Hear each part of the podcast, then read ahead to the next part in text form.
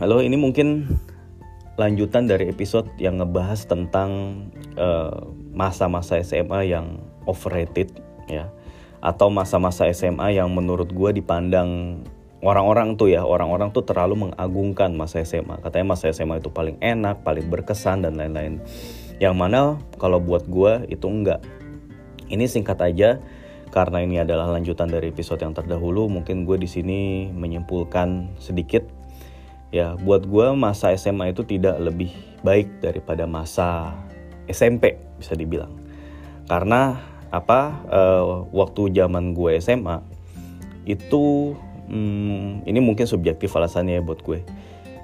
Yang pertama adalah uh, waktu SMA itu udah terlalu mikirin kuliah. Maksudnya udah pikiran itu udah lebih berat gitu lebih stressful um, udah mikirin masa depan banget gitu ya. Karena emang uh, jurusan kuliah itu cukup menentukan masa depan lu sih basically. Lu kuliah di mana itu cukup menentukan masa depan lu gitu. Itu nggak bohong gitu. Itu makanya jadi beban pikiran pada saat itu. Terus kan banyak ujian-ujian yang menentukan gitu ya. Waktu zaman gue sih masih ada belum belum ada yang namanya UAN gitu ya. Belum ada ujian akhir nasional yang ada nilai mati yang bisa bikin akhirnya nggak lulus gitu. Waktu zaman gue itu untungnya belum ada diberlakuin itu. Gue nggak tahu kalau ada mungkin ada kali beberapa temen gue yang fail di ujian itu. Gitu. Paling dulu zaman gue itu uh, nem ya. Dulu kan masih pakai nem. Nem itu minimal 4, 42 ya untuk bisa mengikuti ujian di stan ya. Jadi rata-rata uh, rata-rata 7 apa rata-rata 6 sih? Oh ada, ada 6 mata pelajaran kan ya. Uh, eh, 6 mata pelajaran rata-rata harus 7 berarti. Harus 7 rata-rata untuk bisa mengikuti ujian masuk STAN. Dan gue waktu itu bisa tuh. Karena NEM gue 44 lumayan. Jadi nilai Eptanas gue itu NEM-nya bisa dibilang lumayan. Gitu. Bahasa Inggris dan bahasa Indonesia gue tuh lumayan. Dan nilai IPA gue juga gak jelek. Gitu. Um, terus uh, satu lagi ya alasan menurut gue tuh SMA tuh biasa-biasa aja malah cenderung ya cenderung biasa banget malah. Itu adalah karena gue tuh sekolah di sekolah favorit ya. Gue belajar di sekolah favorit yang mana isinya tuh anak-anak juara kelas.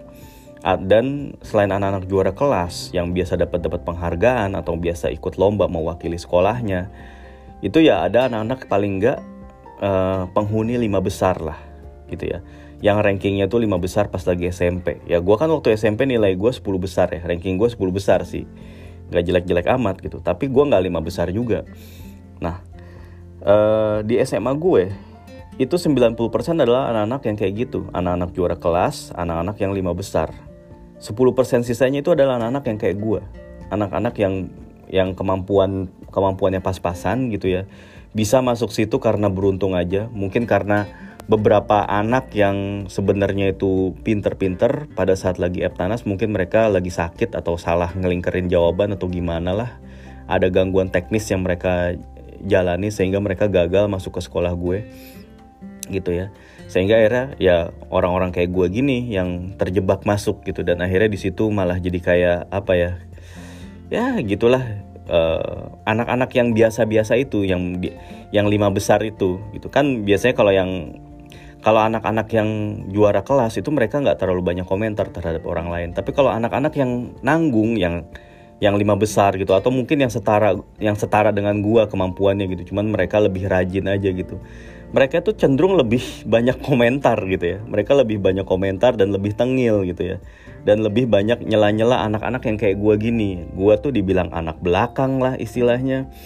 Ya gua tuh dibilang anak-anak yang wah gimana bisa saingan sama tingkat nasional? Kalau di tingkat SMA aja keteteran begini gitu. Wah gue pernah digitu-gituin dan gue pernah juga ngalamin uh, anak-anak itu pada segen banget kayaknya sekelompok sama gue ketika dibagi kelompok belajar gitu. Kayaknya gue tuh troublemaker atau gimana banget lah gitu di mata mereka gitu. Ya gitulah. Padahal gue yang kayak gue yang kayak begini aja gitu bisa dibilang troublemaker sama mereka. Aduh gitulah. Pokoknya ada ada part-part nggak menyenangkannya gitu buat gue di masa SMA itu. Jadi bikin gue juga jadi ngaruh ke ngaruh ke sekarang juga sih. Gue tuh rada-rada males kumpul sama teman-teman di SMA gitu karena faktor-faktor itu. Paling ya gue cuman ngumpul sama circle-circle kecil aja di SMA gitu yang apa yang mana mereka lebih respect lah gitu ya. Um, gue tuh paling ya kenangan terbaik gue masa SMA ya paling cuman uh, soal main bola dan juga soal main musik. Udah itu doang. Gitu itu banyak kenangannya di situ. Tapi di luar itu ya biasa banget menurut gue. Nah, lain halnya dengan SMP di sini gue pengen uh, menggarisbawahi lebih tentang masa SMP ya. Nah SMP gue itu cukup unik ya. Gue sekolah di sebuah SMP negeri ya di kota Depok ya di sekolah gue di kota gue tinggal.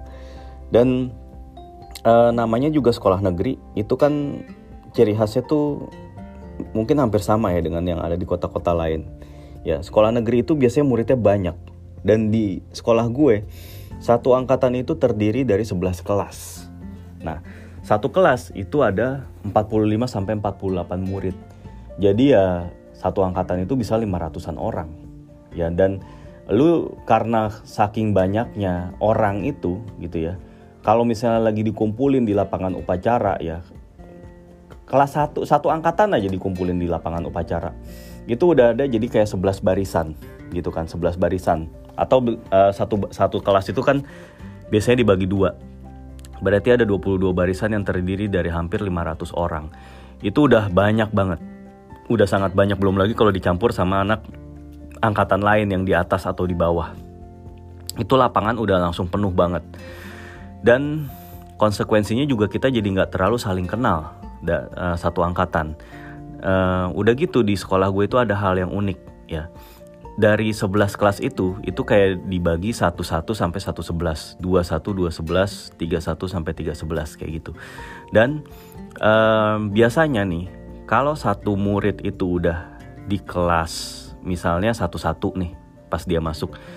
Pas kelas 2 itu dia nggak jauh paling jauh dia akan kelempar ke kelas 26 misalnya. Dari 11 ke 26 terus balik lagi ke 34 kayak gitu. Begitu juga kalau anak yang dari awal tuh masuk di kelas 18 gue pernah ada temen yang kelasnya 18 terus kelas 2 nya dia ke 210 nah, terus di kelas 3 nya dia ke 311 gitu misalnya kayak gitu.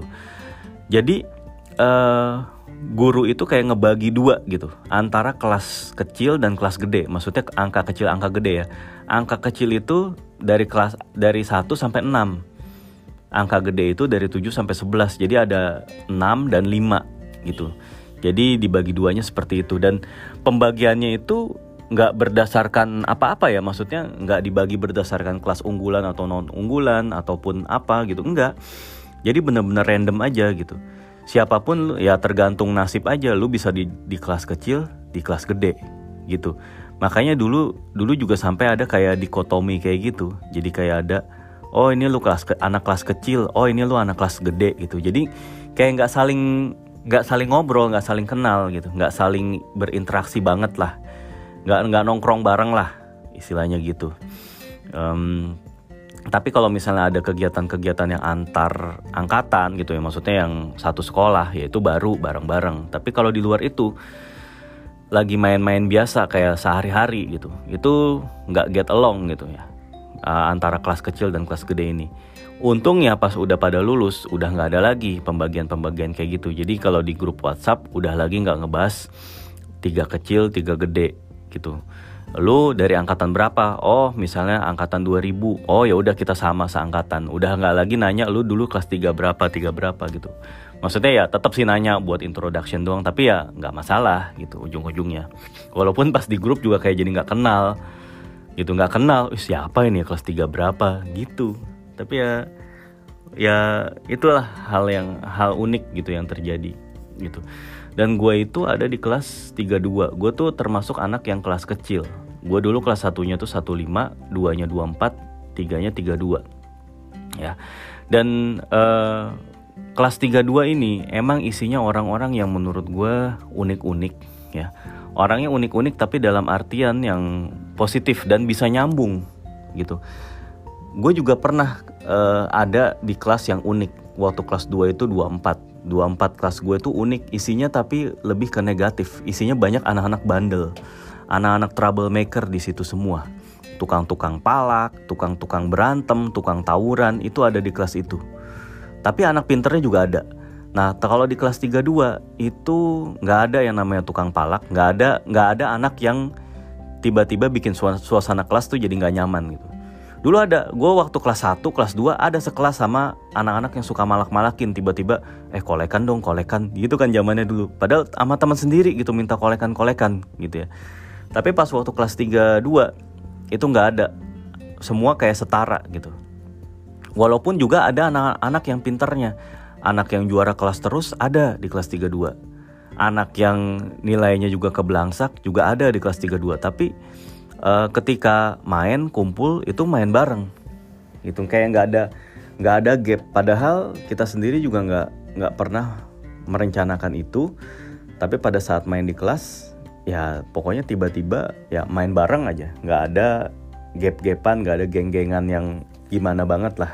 Nggak nggak nggak ini ya nggak saling ngejudge gitu jadi anak-anak yang pinter anak-anak yang rajin itu mereka itu saling ngebantu gitu. Saling ngebantu. Nggak nggak yang bersaing nggak sehat gitu. Nggak bersaing secara nggak sehat untuk ranking-rankingan terhadap anak-anak yang biasa aja yang kurang pinter.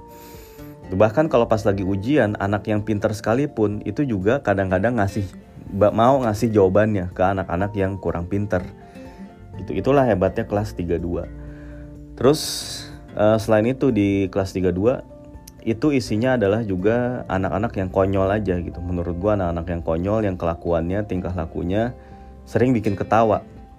Dan ban dan uh, cenderung bandel, bandel tapi bandelnya tuh bandel bukan bandel yang gimana ya, bukan bandel narkoba, bukan bandel yang kayak main cewek yang gitu, bukan mabok-mabokan. Bandelnya itu bandel bandel bocah lah.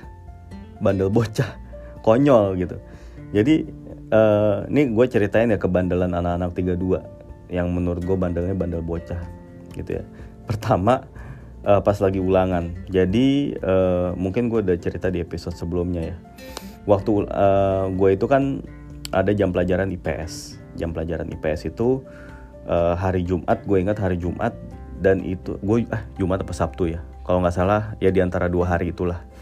Ya anggap aja Sabtu lah jadi Sabtu gue pelajaran IPS itu ada di jam kedua sebelum istirahat. Jadi kan gue itu masuk jam 7, uh, eh, jam 10 itu istirahat. Ya, um, jam pertama gue itu pelajaran elektro kayak pelajaran ini sih, pelajaran keterampilan khusus dulu kan istilahnya kalau di sekolah negeri keterampilan khusus uh, teknik elektro. Teknik elektro itu sebenarnya ya disuruh belajar uh, nyolder, terus bikin lampu yang kayak gitu-gitu. Nah biasanya anak-anak laki itu kan cepet bikin kayak gituan ya kalau tugas elektro gitu. Pada jago lah ngebor, uh, nyolder itu pada jago gitu. Nah terus, nah di kelas sebelah gua tiga tiga itu tuh ada pelajaran IPS. Nah kalau pas lagi ulangan guru IPS-nya itu kebiasaannya adalah dia ngebahas jawaban. Jadi setelah ulangan selesai, jadi dibahas tuh number by number dia uh, ngebahas lagi ini soal ini pertanyaan ini jawabannya apa? Oh, A B gitu. Pokoknya disebutin B itu apa? Jawabannya ini ya B ya B ya gitu. Kayak gurunya itu kayak yang ramah banget yang kayak ngajarin anak TK jadi yang bener-bener suaranya lantang dan kemudian ngebahas soal satu-satu dengan sabar gitu. Nah beberapa temen gue yang cowok itu udah kayak mempelajari gitu. Mempelajari pola itu. Nah gue itu kan di jam kedua. Anak tiga tiga itu jam pertama anak tiga dua jam kedua IPS dan soalnya itu soal ulangannya itu sama. Soal ulangannya sama. Dan karena itulah beberapa teman-teman gue itu inisiatif nguping nguping di belakang kelas 33 sambil pada bawa buku catatan. Jadi apalagi pelajaran elektro pas pelajaran elektro itu biasanya gurunya modelnya e, nerangin sedikit terus nyuruh praktek bikin apa kalau udah selesai dikumpulkan ke ruang guru. Nah gurunya itu pergi udah. Gurunya nggak nggak nungguin di kelas, balik ke ruang guru. Gitu, balik ke ruang guru dia. Gitu. Nah jadi anak-anak itu ya inilah pada pada seneng lah gitu. Nah tapi yang cowok-cowok tuh pada serius ngerjain elektro ngerjain supaya cepat selesai, supaya cepat selesai dikumpulin ke ruang guru. Nah mereka bisa datang tepat waktu pada saat anak-anak kelas 33 itu ngebahas ya, lagi ngebahas ujian, lagi ngebahas hasil ulangannya gitu. Udahlah, mereka nguping. itu.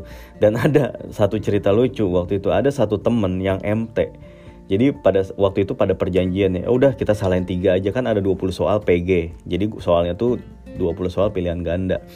Nah teman-teman gue tuh pada janjian salahin aja tiga atau empat ya. Salahin tiga atau empat jadi nilainya itu 8 kok nggak 8,5 nah nggak taunya ada satu teman gue yang melanggar perjanjian itu.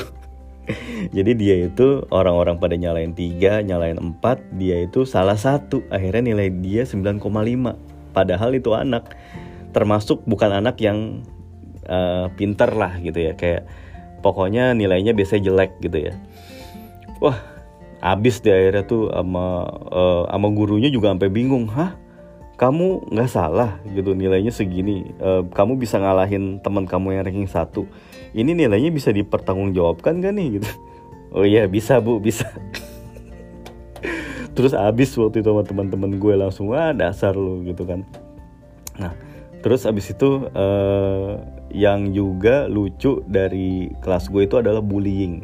Kenapa bullyingnya ini lucu? Karena emang bullying bullying kelas gue itu adalah bullying bullying yang gak kasar tapi lebih cenderung buat ketawa-ketawa doang. Buat ketawa-ketawa doang. Jadi ada satu uh, dulu gini ada satu uh, teman biasa kan waktu SMP itu SMP atau SMA itu kan adalah satu atau dua temen lu tuh yang suka bawa gitar ke sekolah gitu. Jadi ada satu temen gue itu yang bawa gitar biasa nyanyi nyanyi pas lagi jam kosong nyanyi nyanyi di kelas ya tiba-tiba bosan ah bosan ah nyanyi lagu dewa atau oasis mulu eh dangdut yuk gitu. Nah nggak taunya teman gue yang main gitar itu iseng. Dia itu lagi kayak nyari temennya yang kelihatan itu paling menikmati dan menjiwai lagu dangdut. Nah dapatlah satu temen gue. Satu ketangkep tuh sama temen gue yang main gitar. Nah ketahuan lo ya dangduters. Pokoknya wah demen banget dangdut lo pokoknya jadi diceng-cengin lah habis-habisan. Akhirnya akhirnya uh, biasalah anak-anak kan pada ketawa-ketawa nge ngebully gitu. Akhirnya tuh temen gue itu satu disuruh nyanyi sendiri. Jadi yang lain pada main gitar sama pada main kecerekan sambil tepok-tepok tangan dia suruh nyanyi dangdut sendiri. Bayangin. Tapi itu buat lucu-lucuan eh buruan lu nyanyi. Kalau enggak gue kalau enggak lu gue bakar lo gue bakar maksudnya suka nyundut. Jadi kan ya kan beberapa anak juga ada yang ada yang ngerokok ya. Dan pada bawa korek korek korek yang korek gas gitu. Uh, emang sih ini bukan buat ditiru ya. Tapi jahilnya teman-teman gue itu adalah kan lu tahu kan bangku sekolahan itu kan ada kayak bolong-bolongannya. Ada ada ada bolongan ada lima bolongan gitu ya di bangku kayu bangku kayu sekolah. Dulu sih gue ada kayak gitu ya. Nah itu oleh sebagian teman gue tuh dipakai jahil. Bolongannya itu dipakai buat uh, naro ini korek disundut. Jadi teman gue itu pantatnya tuh disundut dari bawah. Dan langsung uh kepanasan kan langsung loncat uh gitu kan. Tapi maksudnya ya nggak bahaya cuman begitu doang. Tapi tetap aja itu itu nggak untuk dilakukan sih sebetulnya. Nah nah terus ada lagi uh, apa ya? Kalau di kelas gue itu ya kelas 32 itu emang dibagi di, uh, anak-anaknya itu terbagi dua.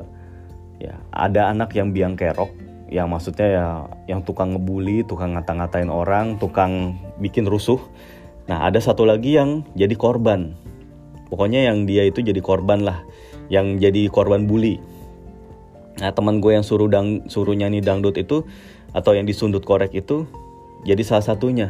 Eh jadi yang ininya jadi yang uh, korban bulinya gitu. Um, kejadian bully yang gue inget uh, salah satunya itu yang tadi yang dibakar korek dan juga disuruh nyanyi dangdut. Sama satu lagi uh, ketika tugas pelajaran fotografi ya. Kan selain pelajaran elektro ada juga pelajaran keterampilan khususnya itu fotografi. Jadi waktu itu uh, disuruh bikin foto ya bikin foto. Jadi pakai kamera biasa terus disuruh nyuci film lah intinya diajarin tekniknya gimana cara nyuci film pakai uh, klise di kamera pokoknya di dicelup-celupin di cairan-cairan kimia gitu dibolak-balik gitu sampai akhirnya muncul gambarnya.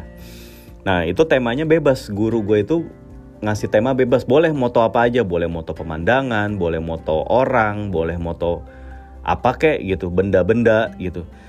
Nah teman gue itu yang si tukang bully itu iseng dia manggil salah satu korban bully di, kel uh, di kelas gue untuk uh, berpose foto sambil nyiram WC. Jadi disuruh ke kamar mandi ngambil gayung nyiram WC di foto. Ayo lagi-lagi sampai berkali-kali. Akhirnya jadi bahan ketawaan lah. Kayak gitu. Pokoknya uh, tapi ya bully-bully yang kayak begitu maksudnya bukan bully yang kalau kayak anak-anak Nora yang di sinetron anak-anak Jakarta itu kan bully-bulinya tuh kayak bully kekayaan ya. Bully pokoknya yang miskin dibully gitu atau yang jelek dibully gitu ya. Ini kalau gue enggak. Pokoknya bulinya bully-bully yang konyol gitu bully-bully yang apa ya pokoknya hal-hal yang lucu aja gitu. Jadi emang uh, apa ya uh, bikin suasana kelas itu jadi jadi lucu jadi ada aja yang jadi bahan ketawa tiap hari gitu. Nggak ada habisnya. Menurut gue itulah yang bikin kelas 32 ini rada beda gitu ya. Dan gue juga sama gitu ngerasa wah ini kelas ya sangat menyenangkan sangat lucu gitu. Dan isinya itu kerjanya itu main. Dan ketika anak-anak kelas lain itu biasanya kalau habis sekolah itu pada pulang atau pada ke mana masing-masing lah. Kalau anak kelas 32 itu rata-rata ya sebagian besar anak-anaknya itu pada kumpul ya entah itu main di rumah temen atau main bola pokoknya main lah. Main. Cuma nongkrong entah itu cuma nongkrong doang baca komik apa pokoknya main. Dan dan namanya juga ada kegiatan main ya. Itu pasti ada yang hal-hal yang lucu yang terjadi. Hal-hal yang ya pokoknya yang di luar kebiasaan. Gitu. Dan mainnya itu bukan cuman kayak main sebentar gitu ya terus pulang. Ini enggak mainnya tuh sampai sore sampai maghrib baru pulang. Gue juga dulu kayak gitu. Sampai paling ya sampai gue nggak sampai malam sih gue sampai maghrib. Tapi ada beberapa teman gue itu yang bahkan nongkrong kumpul itu sampai malam sampai jam 9 malam baru pulang. Ya begitu begitu aja. Dan rata-rata itu pada nggak nggak makan loh pada kuat. Anak-anak sekolah itu dulu zaman gue itu pada kuat nggak makan. Kan ya dulu zaman gue itu jajannya sedikit ya. Jajannya sedikit uh, cuman ngepas buat ongkos naik angkot uh, sama beli makanan cemilan paling sekali doang gitu. Nah udah itu mereka kan harus main sampai sore dan itu pada kuat gitu. Ya paling tergantung tuan rumahnya aja kebaikan hati tuan rumahnya aja ngasih makan atau enggak. Ya kalau anak-anak biasanya main ke rumah gue kadang-kadang gitu ya. Uh, udah rumah gue itu cukup jauh dari sekolah jadi kadang-kadang jalan kaki bisa 2 atau 3 km jalan kaki ya paling nyokap gue uh, karena masaknya nggak banyak jadi dia cuman kayak ngasih makan indomie doang ngebikinin indomie sepanci udah dibagi-bagi. Itu juga udah pada kegirangan banget dikasih indomie. Gitu. Dan abis itu uh, abis siang misalnya pada main uh, video games sorenya tuh main bola.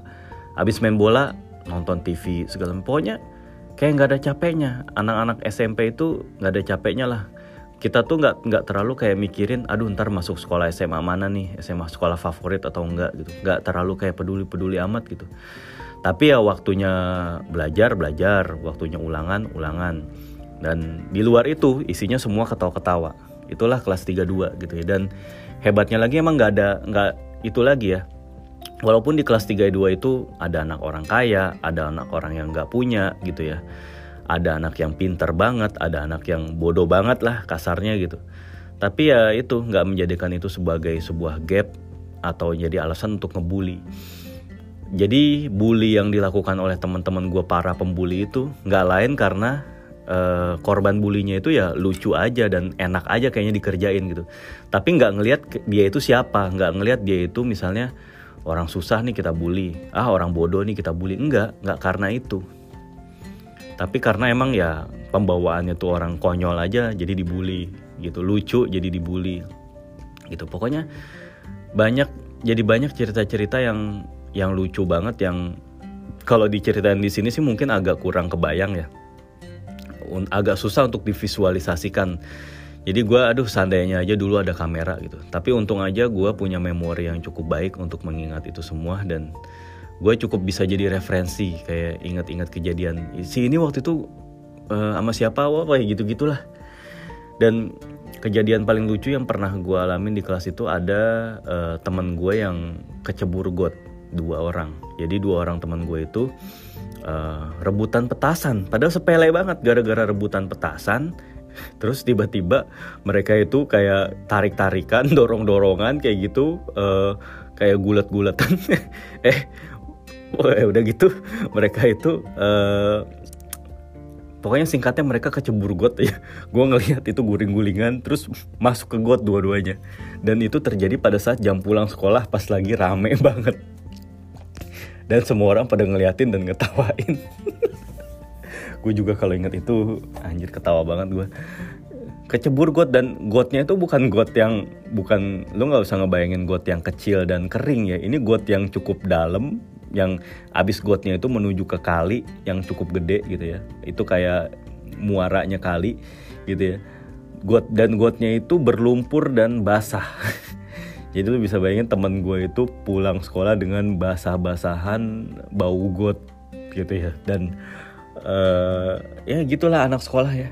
Dan itu ketawa-ketawa banget langsung diketawain sama satu angkatan kali itu. Wah kenapa tuh? Siapa tuh jatuh tuh kenapa? Wah, pokoknya ya bener-bener inilah ya, memorable. Jadi intinya masa SMP itu adalah masa di mana uh, eh, gue tuh ngerasain punya temen yang solid yang kompak. Bandelnya tuh bandel bocah bukan bandel. Jadi kita tuh nggak bandel yang bandel main cewek sekali lagi gue bilang nggak bandel yang mabok nggak bandel yang narkoba nggak bandel yang tawuran nggak nggak bandel-bandel kriminal lah. Tapi lebih ke bandel-bandel bocah yang konyol yang yang kayak gitu-gitu aja dan itu ceritanya tuh banyak banget gitu. Banyak banget ceritanya yang lucu ya. Dan hebatnya ya ini sampai sekarang itu kita masih saling kontak. Gitu masih saling kontak dan punya satu grup. Dulu uh, waktu sekolah gue itu punya grup gede grup satu angkatan kelas gue itu udah bikin duluan. Dan kita itu masih saling kontak, masih nggak putus kontak. Bahkan kalau misalnya ada siapa yang nikah, siapa itu masih pada datang sampai sekarang. Tapi di kelas itu di kelas gue itu aja, kelas 32 itu aja di lingkungannya gitu. Emang kita tuh circle yang kecil tapi mungkin bisa dibilang cukup solid ya. Mungkin ini kata-kata paling klise atau kata-kata paling yang gimana yang pernah gue bilang tapi uh, that's the truth gitu. Ini emang bener gitu. Jadi kelas 32 itu adalah menurut gue kelas yang gue gue ngerasa beruntung gue pernah uh, bergabung di kelas itu gue pernah ada di kelas yang seperti ini gitu. Bukan di kelas yang gap-gapan kelas yang terlalu sikut-sikutan gak jelas karena pengen dapat ranking dan lain-lain pengen dipuji guru dan lain-lain. Bukan kelas yang saing-saingan kekayaan bukan kelas yang ngebully-bully gak jelas ngeprank ngeprank gak jelas. Itu pun kalau teman-teman gue itu ngepranknya itu ya bukan yang ngepranknya ngeprank wajar menurut gue tapi lucu gitu. Ngeprank ngeprank wajar tapi lucu. Dan inilah juga yang membuat beberapa teman-teman gue itu masih kayak ngerasa kehilangan dan ngerasa ngerasa hal yang sama kayak gue juga yang bilang nih kelas paling enak tetap kelas SMP kelas 3 gitu. Bukan di SMA gue SMA nggak gitu banyak cerita tapi SMP gue banyak cerita. Jadi emang kita tuh kayak punya common common respect gitu loh. Dan kita tuh masih kayak suka kumpul ya. Memang nggak setiap tahun nggak setiap nggak periodikal ngumpulnya tapi uh, insidental misalnya tiba-tiba ada ajakan kumpul sana sana ayo ayo gitu. Nggak yang nggak males-malesan gitu. Nggak ada gap lah. Bahkan sampai sekarang pun juga sekalipun di antara kita tuh misalnya ada yang udah jadi bos ada yang gimana terus ada yang eh, mohon maaf ya misalnya profesinya ya profesi yang humble gitu yang yang biasa banget tapi masih tetap main bareng. Nggak ada kayak sampai sekarang tuh masih kayak nggak ada ledek-ledekan profesi gitu nggak ada yang pamer-pamer harta gitu nggak ada yang pokoknya ini kelas yang menurut gue cukup ideal. Nggak ya nggak ada yang paling ideal banget tapi cukup ideal karena uh, kalau gue lihat juga di grup grup grup di kelas lain maksudnya kelas tiga lain gitu di angkatan gue itu nggak ada yang punya grup kelas. Itu gue udah tanyain beberapa orang kelas lu ada grup nggak? Oh nggak ada nggak ada rata-rata tuh pada udah pada tercerai berai. Tapi kalau kelas gue ini kelas 32 ini yang masih solid lah sampai sekarang. Bahkan gue tuh nggak punya grup SMA yang kelas ya. Maksudnya gue dulu kan waktu SMA juga kelas 1 gue kelas 2 kelas 3 kan juga ada. Ada gengnya sebenarnya. Tapi oh ya gue ada cuman satu grup uh, semunsa eh kelas 2 kelas 2 SMA ya 23 dulu kelas 2 nya tapi itu pun juga cowok-cowok doang nggak ada cewek-ceweknya. Nah kalau kelas 32 SMP itu ada ceweknya juga. Gitu jadi geng pertemanannya itu nggak cuman cowok sama cowok doang tapi ceweknya juga ada. Karena dulu juga waktu di kelas di kelas gue itu emang nggak ada cewek yang kayak yang cakep banget juga nggak ada yang gaul banget nggak ada yang kayak belagu banget juga nggak ada. Jadi cewek-ceweknya tuh pada sama juga gitu pada sederajat juga dan pada nggak belagu-belagu juga dan masih nyambung juga sampai sekarang. Gitu dan mereka juga kadang-kadang main bareng dan ikut ngerusuh juga. Ada dulu cewek yang sampai ikutan main petasan juga di kelas ada. Ada yang ya pokoknya ada lah ada ada cewek-cewek yang biang kerok juga gitu. Dan itu juga bikin lucu. Bikin lucu aja gitu. Yang kalem aja ada yang biang kerok juga ada. Dan itu ya pokoknya lucu dan menurut gue ini kelas yang menurut gue sangat ideal dan gue kayak ngerasa beruntung pernah ada di kelas 32 ini Oke, sampai di situ aja dulu. Sampai jumpa lagi. Bye.